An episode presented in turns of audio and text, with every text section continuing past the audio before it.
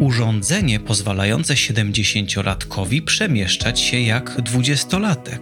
Analiza skośności chińskich dachów, kryształy elektronowe i życie i śmierć pewnego mamuta. Wrzesień w nauce.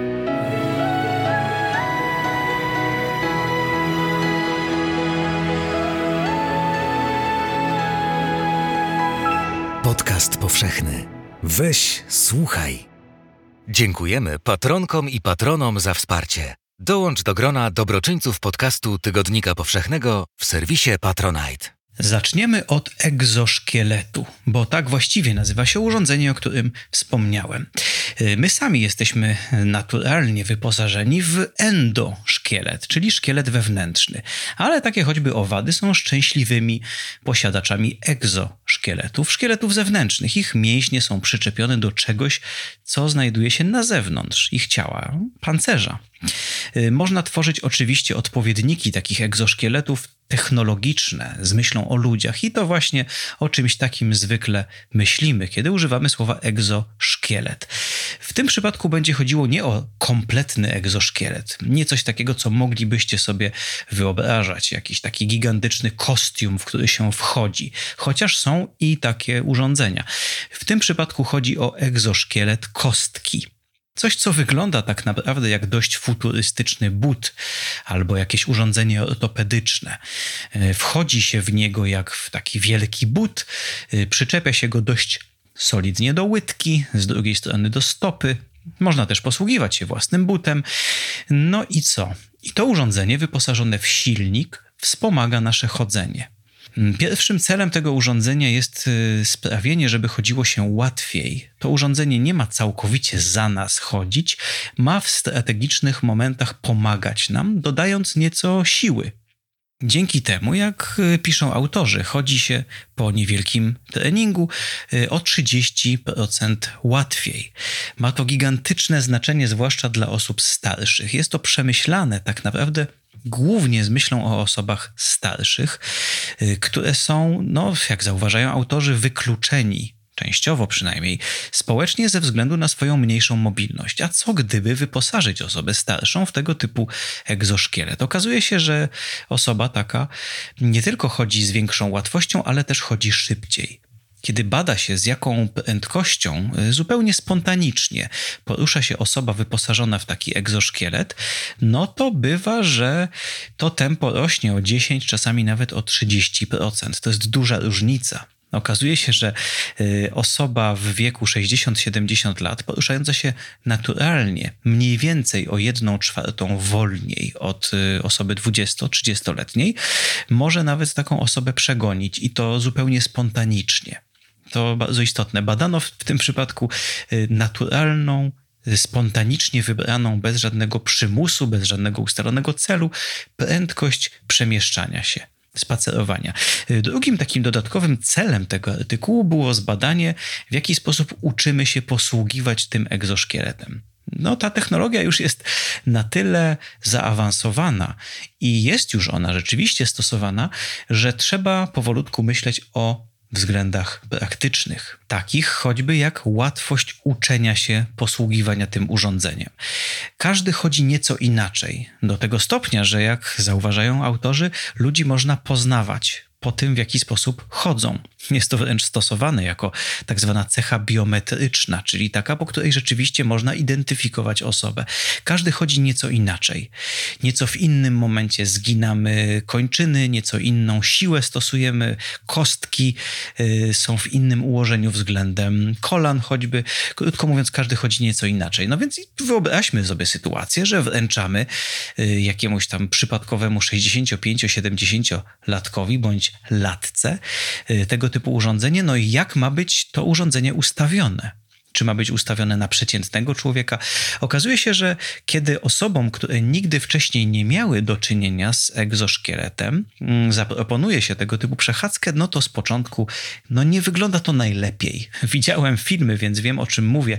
Przemieszczanie się y, z tego typu egzoszkieletem wygląda nienaturalnie. Mm, trzeba rzeczywiście dużo y, wytrwałości, żeby przyzwyczaić się do tego egzoszkieletu. A co pytają autorzy, gdyby to egzoszkielet y, dostosowywał się do nas. I tu pomysł następujący. Y, tworzymy coś w stylu cyklu treningowego. Przez dwie godziny użytkownik, który nigdy nie miał do czynienia z takim urządzeniem, spaceruje sobie po bieżni. Tymczasem komputer dopasowuje sposób pracy tego urządzenia do tego, w jaki sposób człowiek się w nim przemieszcza. Co istotne, jest to dokonywane stale, na żywo. Nie jest to coś ala analiza, później chwila przerwy, kawka, herbatka, komputer w tym czasie mieli dane, proponuje nowy sposób przemieszczania się. Nie, to jest dopasowywanie na żywo. Czyli sposób pracy tego urządzenia, tego egzoszkieletu, jest zmieniany na niewielkie sposoby y, co chwilę, tak aby ostatecznie uzyskany został jak najlepszy wynik. Kto wie więc, czy tak to w przyszłości nie będzie wyglądało, że osoba, która zakwalifikuje się do tego typu urządzenia, zostanie zaproszona na sesję treningową na bieżni i po godzince, dwóch, y, tutaj autorzy mm, stosowali różny czas trwania treningu, nawet do 10 godzin. Było to wtedy podzielone na 5 dni, natomiast już nawet po dwóch godzinach można zauważyć znaczną poprawę. No, chyba nie muszę tego dodawać w dzisiejszych czasach, ale warto o tym zawsze wspomnieć. W całym tym cyklu treningowym kluczową rolę odgrywała sztuczna inteligencja. No, mówiąc nieco precyzyjniej, taki algorytm oparty na uczeniu maszynowym, czyli uczący się na bieżąco na podstawie swoich dotychczasowych doświadczeń. No, kto wie, czy tak nie będzie wyglądała przyszłość. Przegonią nas, słuchajcie, przegonią nas ci 70-latkowie. Y, y, następnie coś z zupełnie innej beczki, analiza skośności chińskich dachów. Mm, muszę przyznać, że czytałem ten artykuł y, z wielką przyjemnością. Piękny pomysł i świetne wykonanie. Przy okazji, no trudno nie nabrać szacunku dla, dla kultury chińskiej, dlatego że przebadano dachy zachowane dachy z okresu 750 do 1750 naszej świetnie to świadczy też o zachowaniu budynków w tym kraju, ale także o konsekwencji, z jaką te e, budynki budowano. Bardzo istotne w tym badaniu było to, aby zasadniczo na przestrzeni badanego okresu powstawały tego samego typu budynki, bo tylko wtedy można uczciwie badać zmiany skośności ich dachów. Y, w Europie mieliśmy dużo silniejsze przemiany styli, stylów architektonicznych. Tymczasem tutaj były takie typy budynków, zwłaszcza świątynie, które w zasadzie na przestrzeni tego tysiąca lat budowano niemal identycznie. Była jednak możliwość dopasowywania pewnych parametrów. A dlaczego już by zmieniać skośność dachu? No choćby w odpowiedzi na zmieniający się klimat. Przeprowadzono bowiem badanie następujące. Na podstawie znacznej próbki kilkuset zachowanych budynków z tego okresu stworzono jeden wykres. Wykres średniej skośności chińskiego dachu w danym momencie historii. A następnie nałożono ten wykres na zrekonstruowany przebieg temperatury w Chinach, a później następnie w kolejnej części badania ilości opadów a następnie ilości opadów śniegu. I okazało się, że z tych trzech miar najlepiej y, sprawdziła się średnia ilość śniegu. Dołącz do grona dobroczyńców podcastu Tygodnika Powszechnego w serwisie Patronite. Ta zgodność rzeczywiście jest całkiem niezła i potwierdziły to też testy statystyczne. Chińczycy dopasowywali skośność dachów do opadów śniegu. Y, gdy czasy były takie, że spadało śniegu więcej, dachy robiły się silniej nachylone. Tymczasem w czasach, kiedy tego śniegu spadało mniej, dachy były bardziej płaskie. Ot taka y, ciekawostka. Mm, cóż my tam dalej mamy? No, przyjrzyjmy się może teraz tym tajemniczym kryształom elektronowym. Y, jest to interesująca historia. Zwykle, kiedy mówimy o budowie materii, elektrony schodzą na drugi plan. Y, błyskawiczna powtórka z budowy materii, szanowni państwo. Atom składa się z dwóch zasadniczych elementów z jądra atomowego. Tam mieszczą się protony i neutrony, i to one decydują o tożsamości danego atomu. Czy to będzie węgiel, czy to będzie molibden, czy to będzie tal, albo na przykład e, powiedzmy sobie, no nie wiem, prazeodym. O tym decyduje jądro atomowe. Wokół niego znajduje się chmura elektronowa. I zwykle te elektrony jakoś tak pomijamy. Kiedy mówimy, z czego coś jest zbudowane, tak naprawdę mówimy de facto o tym, z jakich jest zbudowane jąder atomowych. Mówimy na przykład, że jest to kryształ kwarcu. I w ten sposób chcemy powiedzieć, że są to uporządkowane jądra krzemu i tlenu i wokół nich znajduje się jakaś tam yy, regularna mm, struktura elektronowa. Kiedy mówimy, że coś jest dwutlenkiem węgla, albo coś jest poliestrem, albo coś jest yy, białkiem na przykład, to jakoś te elektrony są w tle całej tej opowieści. Tymczasem już od, już od dawna, już od lat 30 przewidywano, że w pewnych okolicznościach elektrony mogłyby się ułożyć w coś w stylu kryształu, czyli tymi, tymi obiektami, które tworzyłyby strukturę, byłyby same właśnie elektrony. Nie da się ich tak całkowicie wyizolować z materii, czyli gdybyśmy próbowali zawiesić w pustej przestrzeni elektrony, mielibyśmy z tym, z tym pewien problem da się utworzyć gaz elektronowy, y, natomiast nie dałoby się za bardzo utworzyć kryształu czysto elektronowego. O tego typu ewentualnościach mówią y, głównie ci bardziej szaleni fizycy. Natomiast y, ci najzupełniej porządni fizycy od dłuższego czasu już mówią, że w zwykłym, uporządkowanym, materialnym krysztale dałoby się zrobić tak, żeby znajdujące się w nim elektrony utworzyły tak jakby kryształ elektronowy.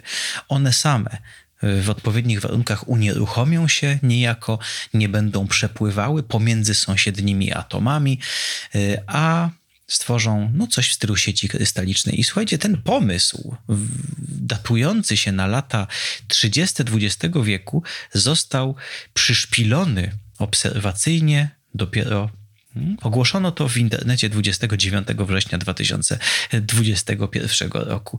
Czyli no patrzcie, ile czasami trzeba czekać na to, żeby y, jakiś dobry pomysł został na porządne potwierdzony. Częsta sytuacja w fizyce. Tym razem udało się to po prostu zaobserwować. Y, kolejna ciekawa rzecz y, związana z tym wynikiem. Wiecie, Techniki obserwacyjne stosowane przez naukowców bardzo często dopasowane są do tego, co chcemy obserwować. Y, jest takie powiedzonko, że dla młotka wszystko wydaje się gwoździem. I to jest bardzo mądre powiedzonko. Dla teleskopu pracującego, no powiedzmy sobie, w ultrafiolecie, cały kosmos jest ultrafioletowy. Dla teleskopu obserwującego w kolorze zielonym, wszystko jest niejako zielone. No więc mikroskopy zdolne do tego, żeby obserwować atomy, no właśnie, one tak naprawdę trzeba w bardzo szczególny sposób podkręcić, żeby były w stanie zaobserwować taką właśnie sieć elektronową i to właśnie wykonano. Bardzo myślę y, ciekawy wynik pokazujący też przy okazji to, jak dziwne rzeczy mogą występować w kosmosie. Y, ruszmy wyobraźnią, słuchajcie, te różne dziwne, wymyślone czysto na papierze formy materii mogą naprawdę istnieć. A na koniec opowieść o mamucie. E, wiecie, jesteśmy chyba już trochę przyzwyczajeni, że naukowcy dzielą się z nami opowieściami o zwierzętach, które już dawno wyginęły, ale nie na co dzień są to tak szczegółowe opowieści. Udało się dokonać rzeczy niesamowitej, a mianowicie zrekonstruować życie jednego konkretnego mamuta, którego cios znaleziono na północy Ameryki Północnej. Jak to możliwe? Y, zęby mamutów, y, tak zresztą jak i ich bliskich krewniaków, słoni narastają przez całe życie. W związku z czym ząb taki jest zapisem życia tego zwierzęcia. Trochę może jak y, słoje drzewa. Kolejne warstwy takiego zęba zawierają w sobie informacje o warunkach, jakie panowały w otoczeniu tego y, organizmu w kolejnych latach jego życia. W tym przypadku przeanalizowano bardzo szczegółowo izotopy y, jednego wybranego pierwiastka. Był to stront. Okazuje się bowiem, że na różnych mm, regionach Ameryki Północnej, w tym wypadku była to Alaska, w glebie która znajduje się w danym miejscu, znajdują się różne proporcje tegoż właśnie pierwiastka. Jest to fakt doskonale znany geologom, ale dotychczas jakoś tak y, paleontolodzy być może nie przywiązywali do tego aż tak wielkiej uwagi. Aż to ktoś postanowił nałożyć te dwie rzeczy na siebie. No bo spójrzcie w ten sposób. Y, mamut przechadza się po ziemi, i żywi się roślinami, żywi się stworzeniami wyrosłymi z tejże gleby. A więc proporcje tych y, izotopów, czy też proporcje pierwiastków, bo to i z tym porównujemy, zmieniają się w zależności od miejsca, w jakim znajduje się to zwierzę. Jeżeli więc zauważymy, że powiedzmy sobie w piątym roku życia tego mamuta, y, w jego diecie najwyraźniej występowały takie a takie proporcje tego e, izotopów tego pierwiastka, no to znajdował się on najprawdopodobniej w takim i takim miejscu. I to da się, wyobraźcie sobie, na, da się to nałożyć na mapę geologiczną Alaski. No coś niesamowitego. Autorzy stworzyli e, taki specjalny program komputerowy, który wymyślał możliwe historie życia tego mamuta. I z setek tego typu historii stworzono taką uśrednioną, przypuszczalną historię życia tego y, mamuta. W jego dzieciństwie kręcił się on najprawdopodobniej y, ze swoją grupą y, rodzinną, przy którym, której przewodziła matka. Tak najprawdopodobniej wyglądało społeczeństwo mamutów. Później zaczął się uniezależniać. Był to samiec, samce w wieku dorastania, mniej więcej w siódmym, ósmym roku życia zaczynają oddzielać się powolutku od swojego stada, zaczął krążyć dużo dalej, wy, wybierał się na takie dłuższe wyprawy, również y, w regiony górskie, a więc w takie troszeczkę trudniejsze, trudniej w nich znaleźć pokarm. No i przez naj, najbliższe następne 20 lat życia krążył. Krążył już bardzo odważnie, zapuszczał się także na daleką północ. No i tam właśnie mm, w 27 bądź w 28 roku życia spotkała go śmierć. Wygląda na to, szacują naukowcy, że była to śmierć z niedożywienia. Można to też poznać po stanie zębiny, czyli tej części zęba, która tam właśnie była badana. Y, wygląda na to, że to biedne zwierzę po prostu nie znalazło wystarczająco dużo pokarmu, żeby przeżyć i w 28 roku życia padło. Padło na tej dalekiej północy, zostało no, przykryte glebą, odkopane. Y, ileż tu mamy? 17 mm, tysięcy, 17 tysięcy lat później i zbadane. Tak wyglądała, mm, proszę Państwa, historia tego oto konkretnego mamuta. Mm, także cóż, no, y, ciekawe, prawda? Ciekawe, jak y, te ogólne, mm, wielkie, szerokie historie, takie o pojawianiu się lodowca, zanikaniu lodowca, pojawianiu się gatunków, zanikaniu gatunków, jak tego typu historie można pięknie uzupełnić przez taką mikro mm, mikroopowieść, 28-letnią opowieść, która miała miejsce 17 tysięcy lat temu. jakże tu, jakże tu, słuchajcie, nie kochać nauki. Tyle na dzisiaj. Dzięki, że byliście ze mną i do usłyszenia w następnym odcinku, kiedy to opowiem. Cóż wymyślili ci niesforni naukowcy w październiku 2021. Do usłyszenia. Jeśli słuchają nas Państwo w Spotify albo w Apple Podcast, zasubskrybujcie nasz kanał. Jesteśmy też w Google Podcast i w aplikacji Lekton oraz na www.tygodnikpowszechny.pl/podcast. Dziękujemy patronkom i patronom za wsparcie.